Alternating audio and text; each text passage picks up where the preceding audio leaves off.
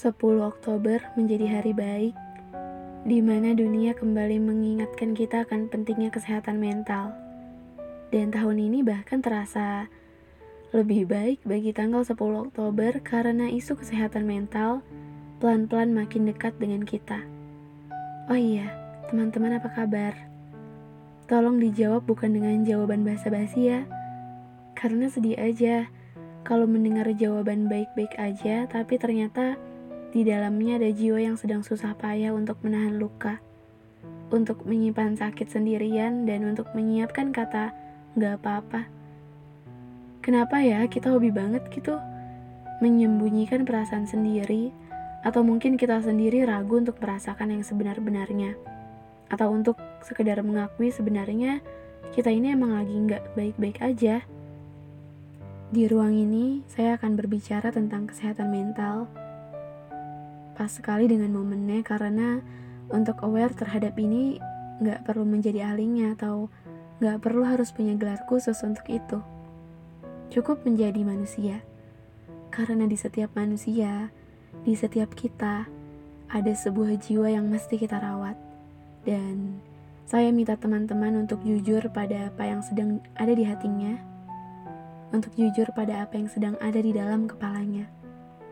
Kalau memang sedang porak-poranda, aku itu menyimpannya dan membiarkannya sama sekali tidak membereskannya.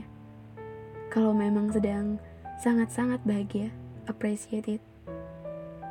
Akui kalau memang dirimu sudah jauh lebih berharga untuk bisa menghargai hal-hal yang datang. Tidak perlu malu untuk bersedih. Tidak perlu gengsi juga untuk merasa bahagia. Lalu, Sejauh mana kita mengakui perasaan kita?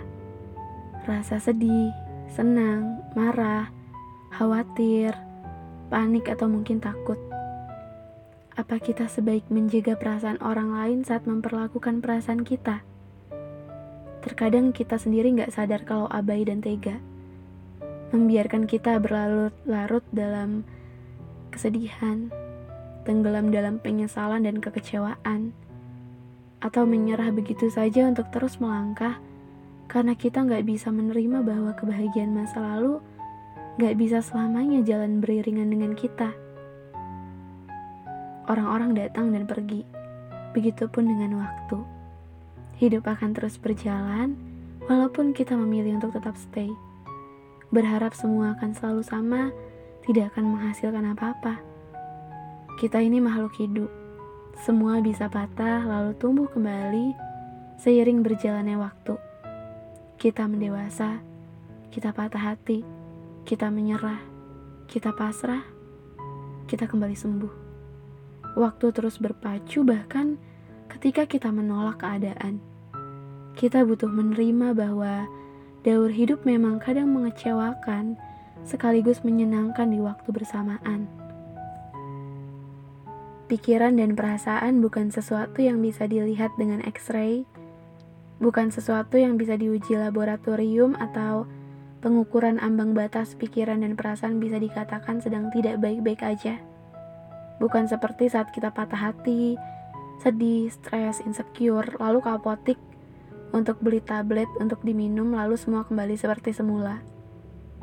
Mungkin ini juga ketika diagnosa mental illness atau mental disorder pada orang di sekeliling kita, masih ada penghakiman, ngejudge dengan sebegitu mudahnya dan stigma pada mereka.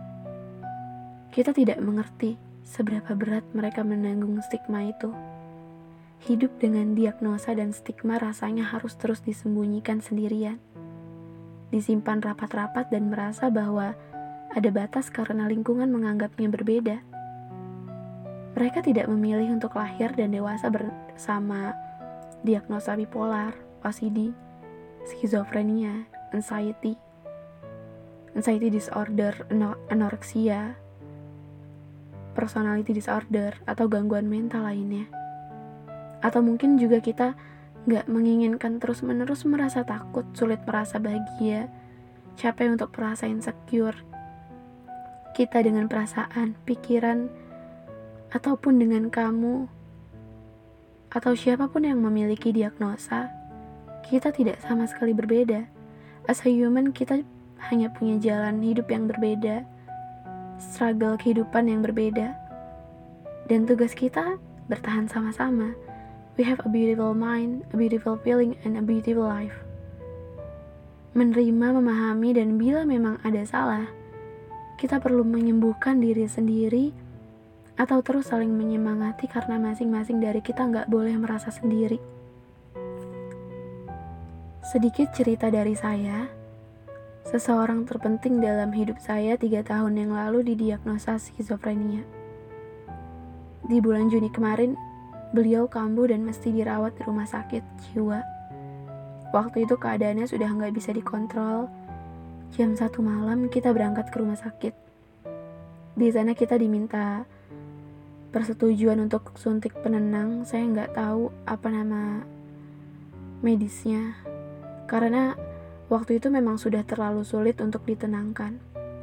Satu suntikan malam itu nggak mempan sampai butuh dua kali suntikan. Semalaman itu saya terus terjaga.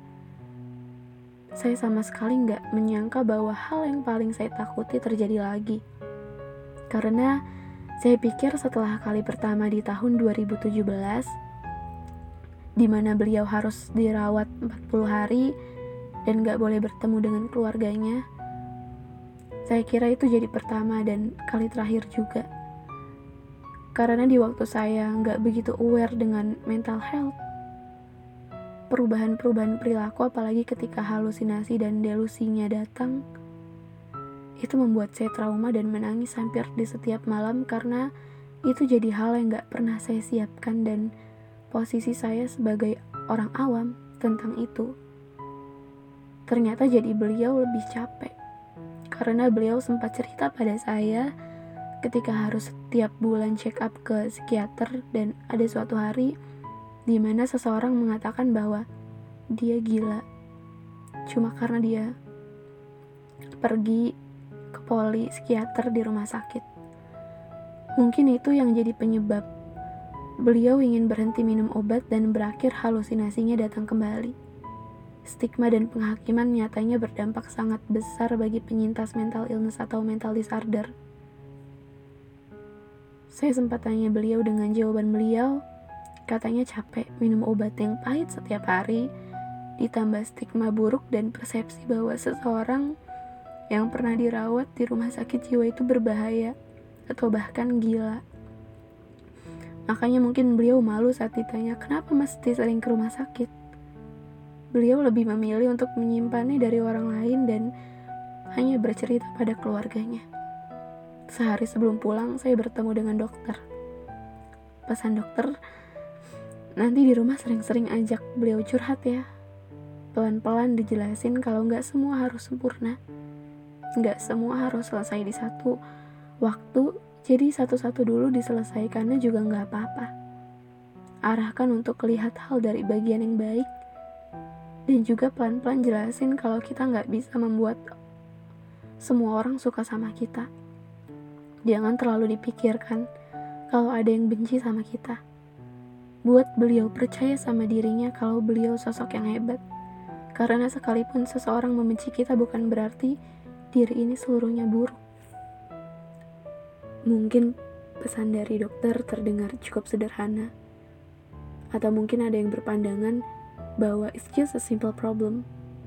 Tapi tidak untuk sebagian orang, mungkin juga untuk kita. Everyone has a struggle with his or her life. We don't need to judge.